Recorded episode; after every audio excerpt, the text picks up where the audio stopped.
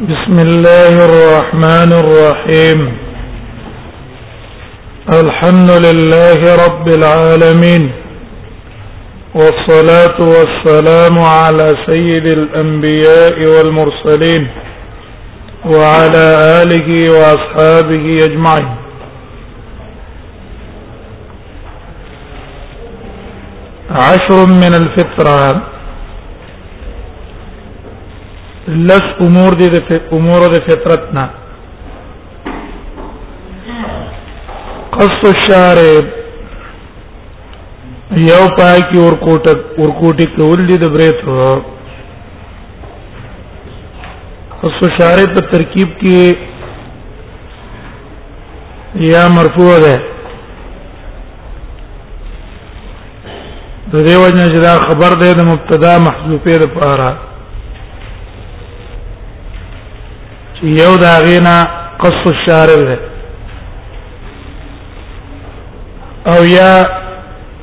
مرفوع ذکر دی چې دا بدل واقع شوی دی د عشرنا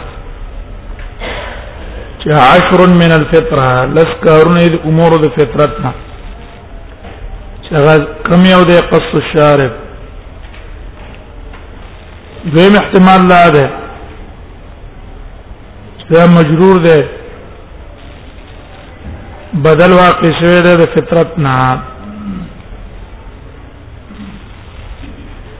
قص د باب د نصره انصرونه ده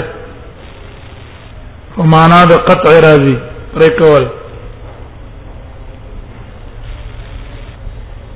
اوس احادیث د برېته وړو کولو په باره کې مختلف الفاظ باندې راغلي نو دا اختلاف د الفاظو د وجنه ته علماء اختلاف هم ده په افضلیت کې چې کومه طریقه په بریتو کې افضل ده دې حدیث کې لفظ د قصر قصر راغی بل حدیث کې لفظ ده تجزو جزو الشوارب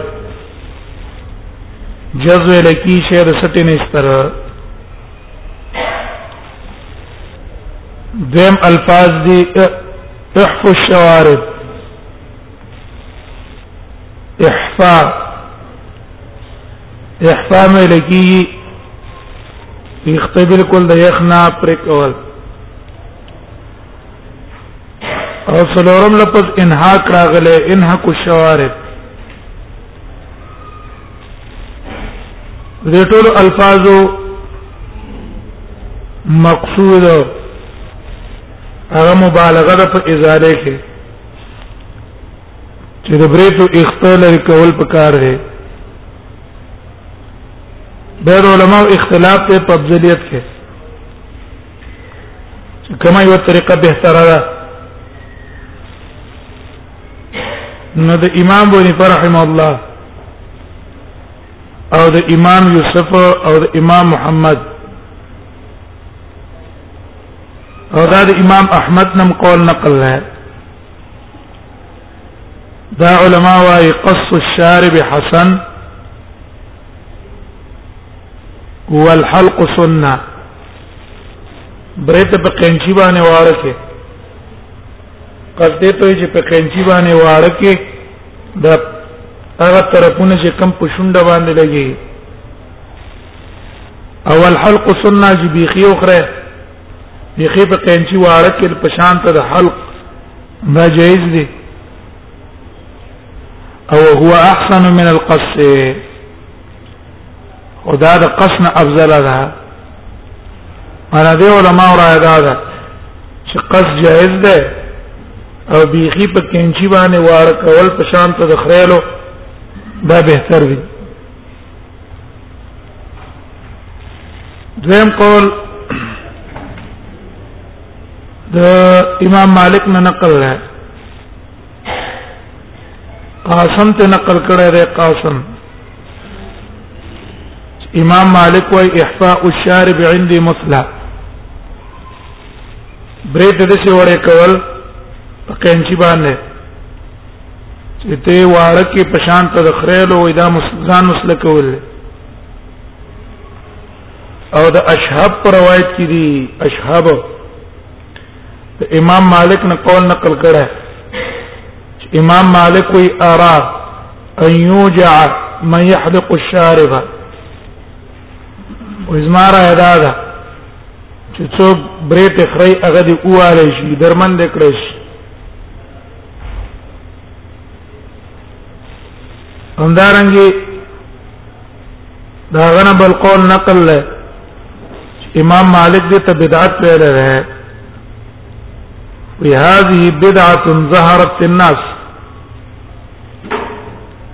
دا یو بدعت ته په خلکو کې ښکار شوه دې اختلاف په بنا علماء را لګي دي امام نووي او ابن حجر هغه ترجیح ورکړی دا په شوافیو کې چې قص بهتر ده په نسبت د حلقه د احناف مذهب کې خو بیخي واړه کول بهترو قصر جایزو قص جایزو امام نووي او ابن حجر رحم الله شوافیو کې د دې ورایه ده ده چې قص افضل له چې ته واره کې بیخي ختم نه کې دیو امام نووي وایي والمختار في قص الشارب ان يقصه وبهتر طريقه بريت وړو کولو کې دا ده ان يقصه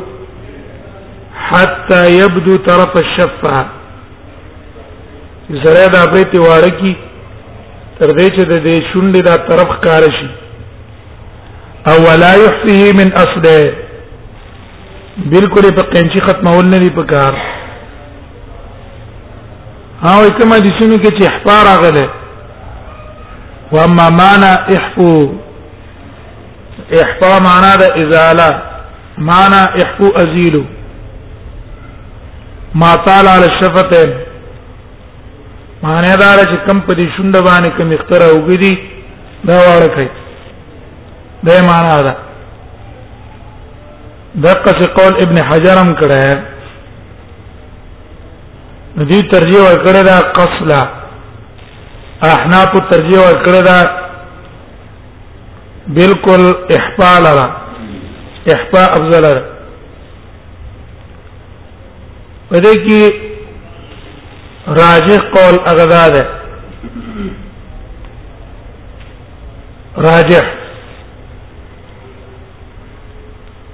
ابن جرير الطبري نقل کړه هغه دا ان السنه دلت على الامرين سنت په دوه باندې دلالت کوي قصر قصد کې هم راغله او انهاک په کې هم راغله او ولا تعارض او د روایتونو منځ کې تعارض ته ده نه تعارض ته ده نه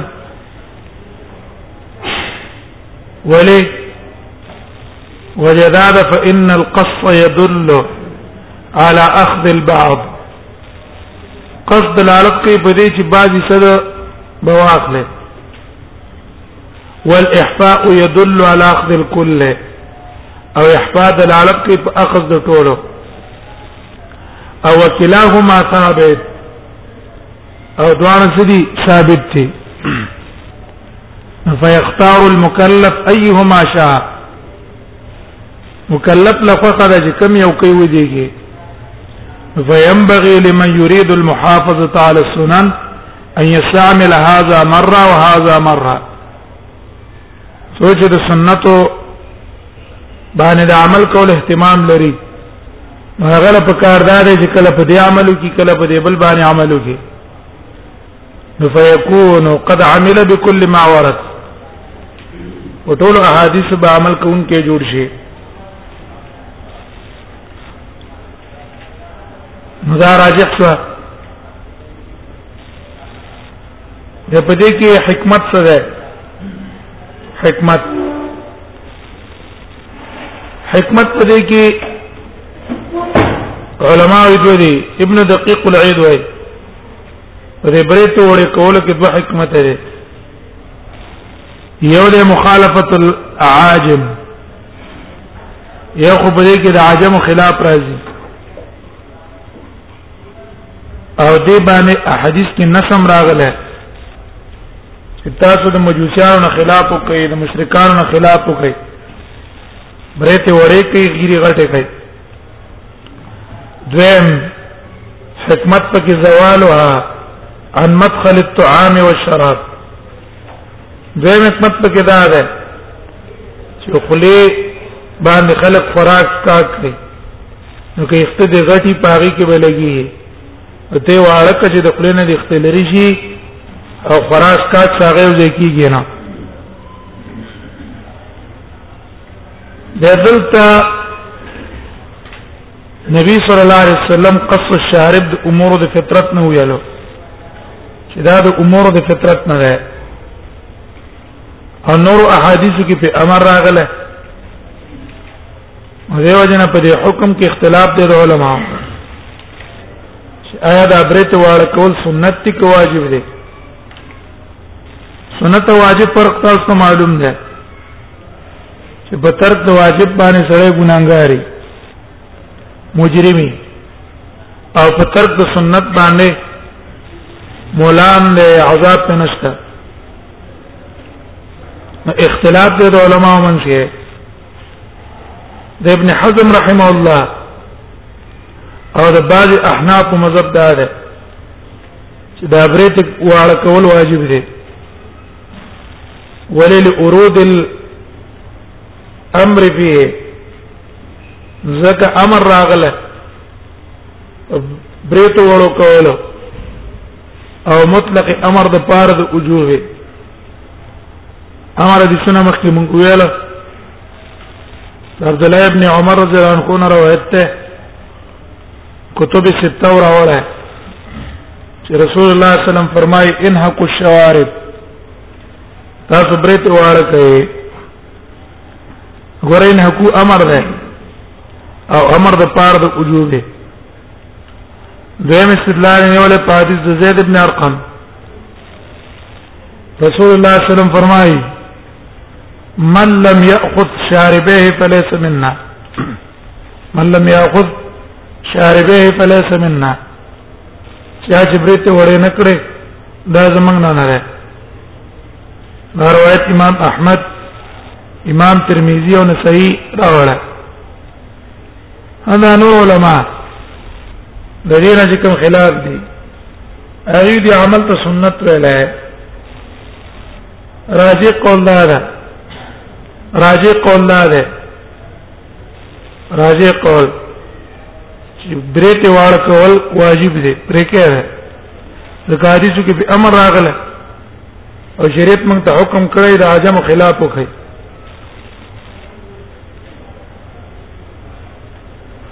هغه په دې برېتو کې به یو عیسی دا چې برې ته سر سره پری دی ته سباله وي نور برې ته وړې کې او دې سرونو طرف ته لک سرونه پرې ده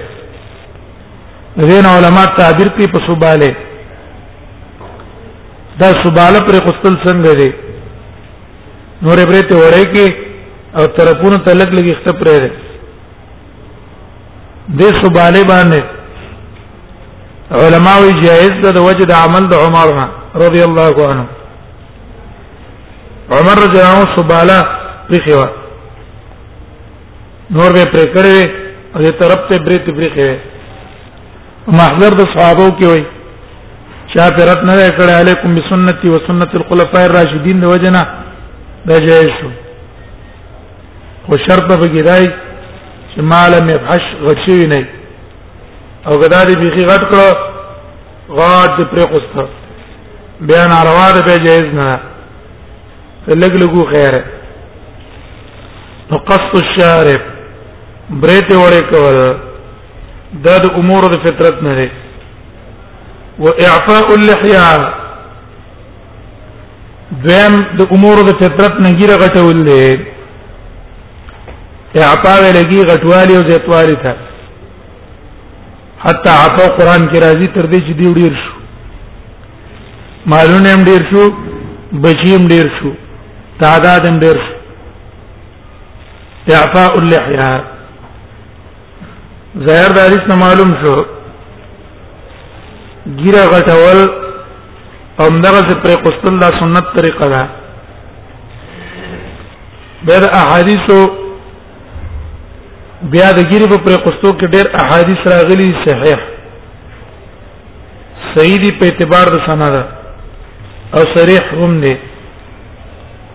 دیو جن ائمه اربعو اتفاق ده په حرمت حلق اللحيه ګیره خریل حرام دی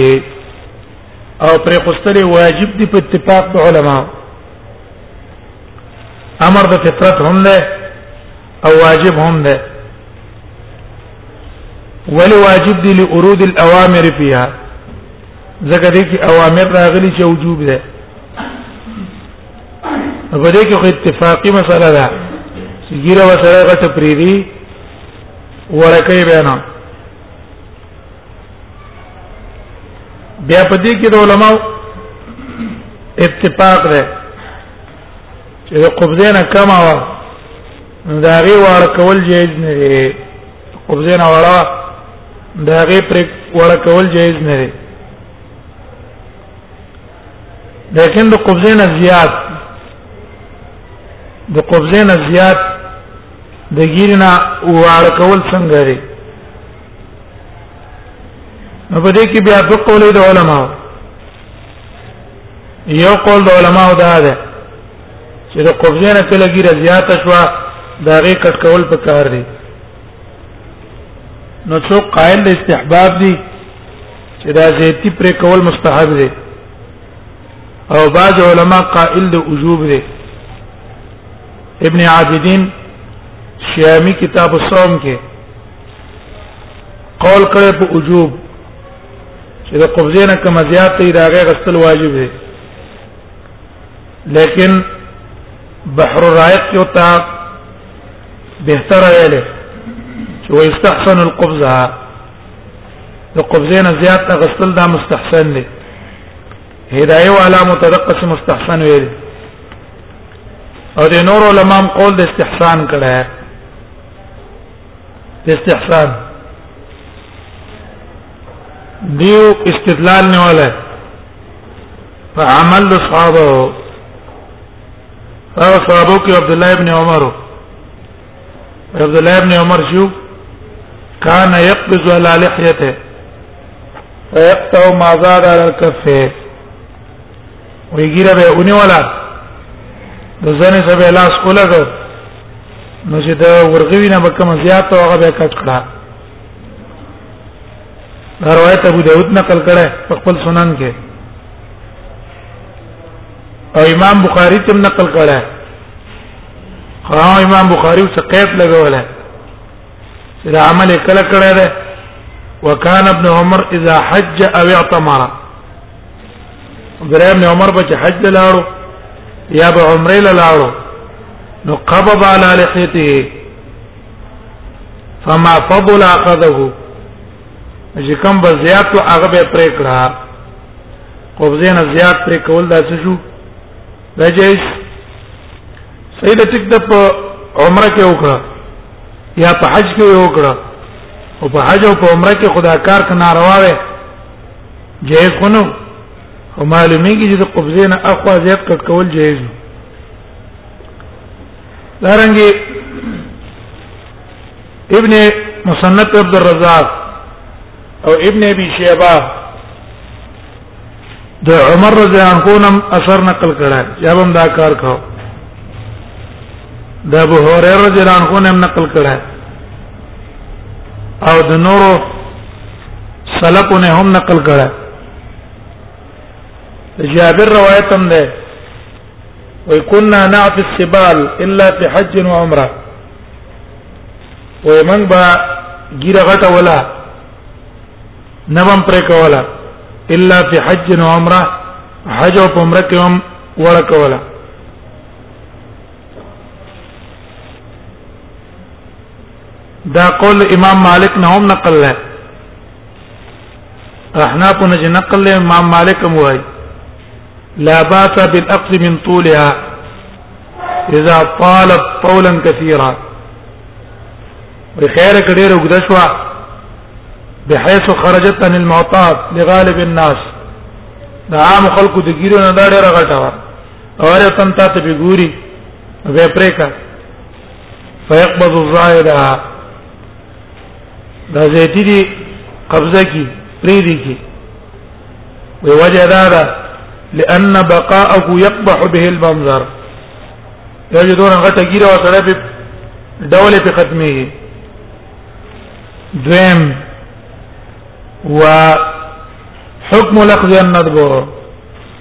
وی ګوره دا غستر مستحب دی لازم نه ده دا د مالکیانو قول ده دیم قول د نور علماء ده هغه نه ترک افضل ده ترک سره سره د ګیرینه په قبضه نه زیتی وانه خلی هم دقه چې پیری د وجه دا حدیثونه چې رسول الله صلی الله علیه وسلم امر کړی دی په ګډوالي نبی صلی الله علیه وسلم د مشرکین نه خلاف وکړ ایګری پرکې تاسو غټه کړئ برې ته هغه غټه تاسو واړه کړئ د آی حدیث د وجه نه او تحفه الحوزی والا هغه دا ترجیح ورکړه د پر قصو ته ول د ظاهر د حدیثونه هغه عمل کړه بیا په دې کې راجح دا ده زړه کې رم د پسې پری دی ټوله به تر ده ها کچر تګي اړه رګړا وړه ګډه وړه ور انسان ګیره او انسان په دې کې ګډوالي باندې ډولی نه کار کېدو بدرنګي په کې پیدا کوله بیا د قبضې نه زیتی کې کټه کړله خیر ان شاء الله په دې کې سم مانات بیانای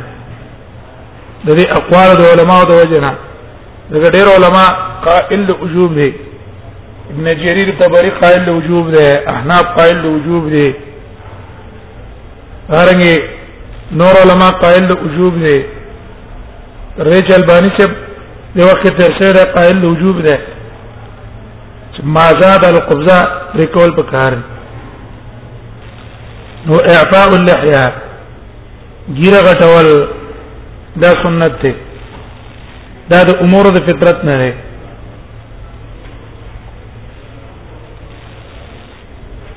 بل پاره کې وسوا کو مناسبت د باب سم په دې ټکی کې ده وسوا کو مسواک والاستنشاق او بل دا غنه استنشاق ده استنشاق په لکی پوزي ته وبا چوره سره پوزي ته وبا چي یو استنصار دی هغه پوزي سن کول دی اول استنشاق بالماء او پوزي ته وبا چوره او دې توبه چول حکم څه ده ورستو را روان ده الته به اختلاف بیان کو او راجح مسله به دا وایو استنشاق مزمزه او استنشاق دا فرض ده په او دس او په غسل دوانو کې او دس کوم فرض ده او په غسل کوم فرض ده ول استنشاق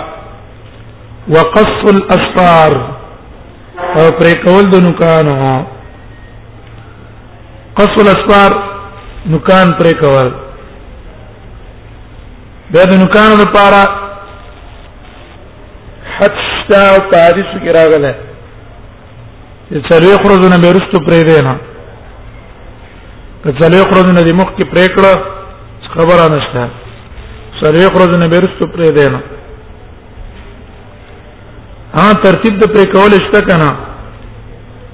ترتیب د پرې کول نو یو طریقه د فقې کتابونو کې ذکر شوی احناف هم ذکر کړي شوافیو ذکر کړي یو خاص طریقه ده خاص طریقه چې د لاس لاس نو کان چې پرې کې نو دا غي طریقه دا ده وې د دې خلاص د مسواکې کوته نه د دې نه شروع کې او دا څه په کچه کوته پراشه به د چپ لاس کچه کوته پرې کې او را به غټه کوته اخر کې به خلاف غټه کوتا پرېږي ابتدا هم په خلاف کې د خلاف نه راځي خي طرف نه او انتها هم په خي طرف باندې راځي او په خو کې د خیخ په د کچ ګوت نه بشرو کې د چپ په په کچ ګوت باندې ختمه دا خاص طریقه دا مستحبه ده لیکن آیا دا طریقې رښتیا مستحبه ده کنه ده نو سیدا ده چې دا مستحبه نه ده مستحبه نه ده ولې مستحب ده پاره دلیل شریف کار ده دلیل شرعي چې رسول الله صلی الله علیه وسلم دا کار کړی یا نبی صلی الله علیه وسلم امر کړی دیوژن ابن دقیق العیب هغه په دې طریقه باندې رد کړه هغه وايي ومشتهر من قصها على وجه مخصوص ومشتهر من قصها على وجه مخصوص لا اصل له في الشريعه کوم چې مشهور ده د پرې کولو نکانو په یو خاص طریقه لا اصل له في الشريعه د دې طریقې اصل په شریعت کې نشته او ولا يجوز اعتقاد استحبابه او دې ته وره مستحب ویلم جایز نه دی زړه دې طریقې ته مستحب وي فإن الاستحباب أمر شرعي فإن الاستحباب أمر شرعي لا بد له من دليل شرعي ذكى استحباب أمر شرعي ده امر شرعي ده او لا بد له من دلیل شرعي دا غیر لپاره دلیل شرعي پکار ده او اطلاق الحديث يقتضي يقتضي القص مطلقا وې دې حدیث کې مطلق د قص الاسفار دا اطلاق دلالت کوي په دې چې څنګه دې پرې کړه سواء بدا بخنصر او غیر ذلك را بر خبره کړه قچی کوته نه شروع کړه غل غټه کوته نه شروع کړه صرف خیال از مخکې کې نو جاره کوته نه وکړه نو دا خاص طریقه در رسول الله سنت ثابت نه وقص الاسفار وغسل البراجم او انزل البراجم براجم لګي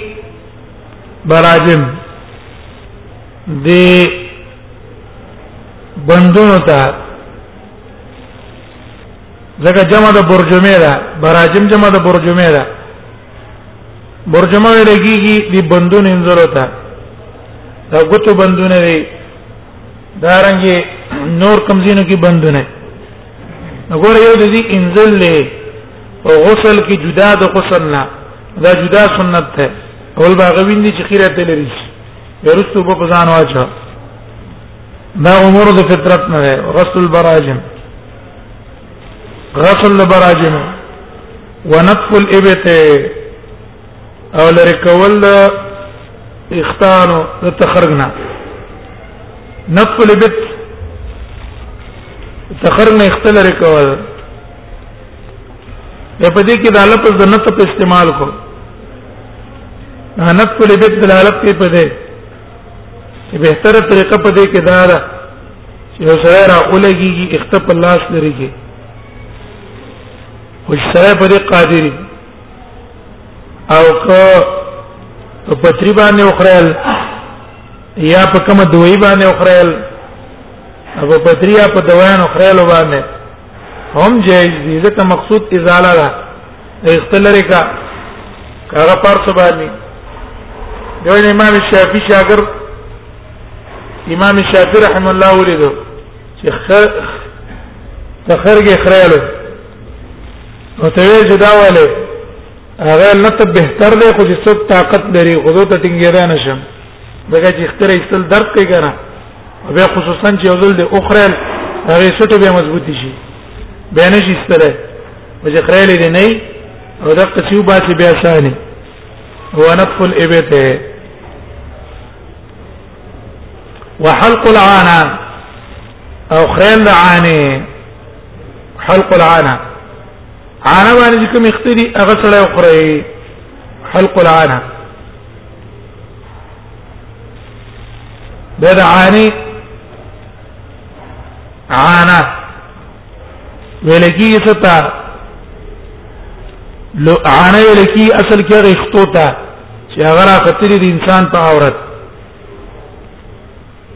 دویم قول دا دی چې نه انا اصل کې د غزې ته وي چې په کوم ځای اختراع کیږي دا ول قول مطابق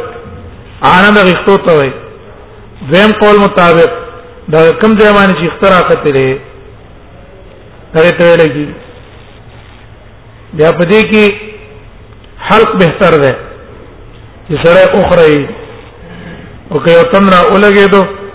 د خیالو په ځای باندې غي استعمال کړو چاره استعمال کړه یا نوره استعمال کړه غم جائز د سمانات نشته ځکه مقصود ازاله د اختو اختل رکول له وهل قلعانه وانتقاص الماء او انتقاص الماء انتقاص الماء وکیه تفسیر کړه په استنجا دیو نه تفسیر وکړه يعني الاستنجاء بالماء دا قصدي الاستنجاء بالماء يعني الاستنجاء بالماء قصدي دا استنجاء په وبو باندې دا تفسیر اصل کې وکیا کړه دا په روایت د قتيبه کې دی امام مسلم ته نقل کړه دویم تفسیر چا دا کړه ابو عبید ابو عبیده وایي انتقاص المعنى دا انتقاص البول بسبب استعمال الماء دې معنا ده کما ول امتیاز په سبب د استعمال اوبو زره راولېږي استنجا وکړه نو کوو باندې نو د سره امتیاز کم شوي کنه بند شوي کم شوي دریم معنا چا کړی دا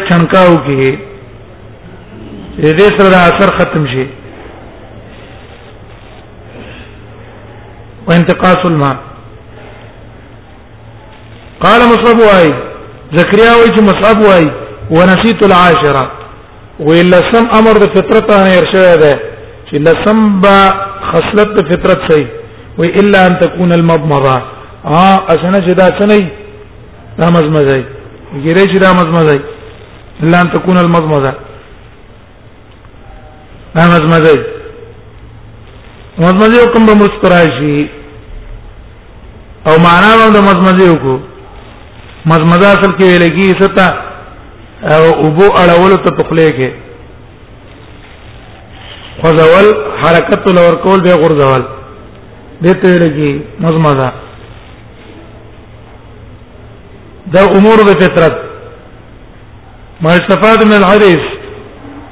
حديث يوم سلام معلومة شلها مشروعية هذه الخصال المذكورة دا کارونه صحیح لکول پکار دی بعضی کارونه په دې کې به واجب دي او بعضی په کې بیا سنت دي دویم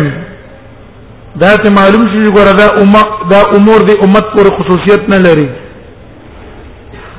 بلکې دا د تمام انبیاء او سنتو انسانانه دین دی کنه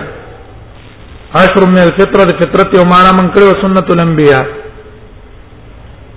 بیا دینم حدیث نم معلوم شو دا خبره چې ګوره مسواک دا نه من سنن الصلات ته او نه من سنت الوضو ده بلکې دا من سنن الدين ده من سنن الدين العامه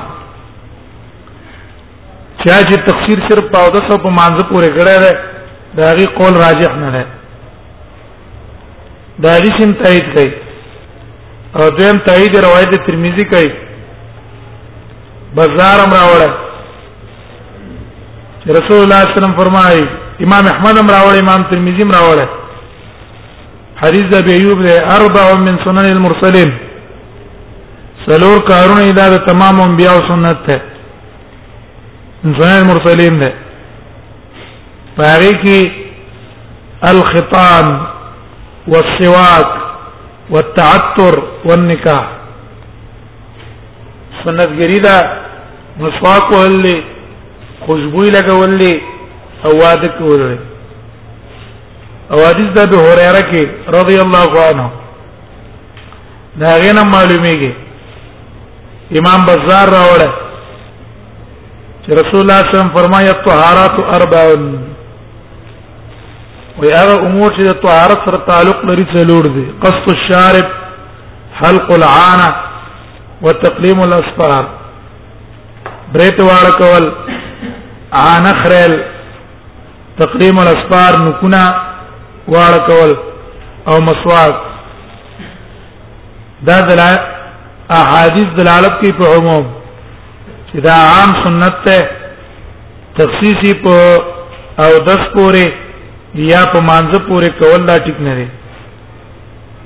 دا حدیث ته حدیث ویل کی عشر من الفطر والا دا حدیث امام ابو داود راوړی امام مسلم هم راوړ امام بخاری دا حدیث نه راوړ ہے بلکې امام بخاری د دې په ځای باندې حدیث د ابي هريره راوړ ہے چې پای کې دي خمس من الفطره او خمس من الفطره خمس من الفطره ولا روایت راوړو او دا روایت چې عشر من الفطره لس امور د فطرت په ذکر لري ذکر نه کړو نو سوجر امام بخاری دا روایت ذکر کړه نه ده او روایت ابو هريره رضی الله عنه ذکر کړه سره دا غنه چې دا حدیث جامع دی د پاره د خصال او د فطرت امام ذیلعی رحمه الله نصب الوا نصب الرايه کې دا غیر پر وجه دو علت ذکر کړي امام بخاری حدیث د ابو هريره رضی الله عنه راوړ او حدیث د عائشه رضی الله عنها راوړ سره دا نه چې دا جامع ده د پاره د خصال د فطرت یو علت دا ده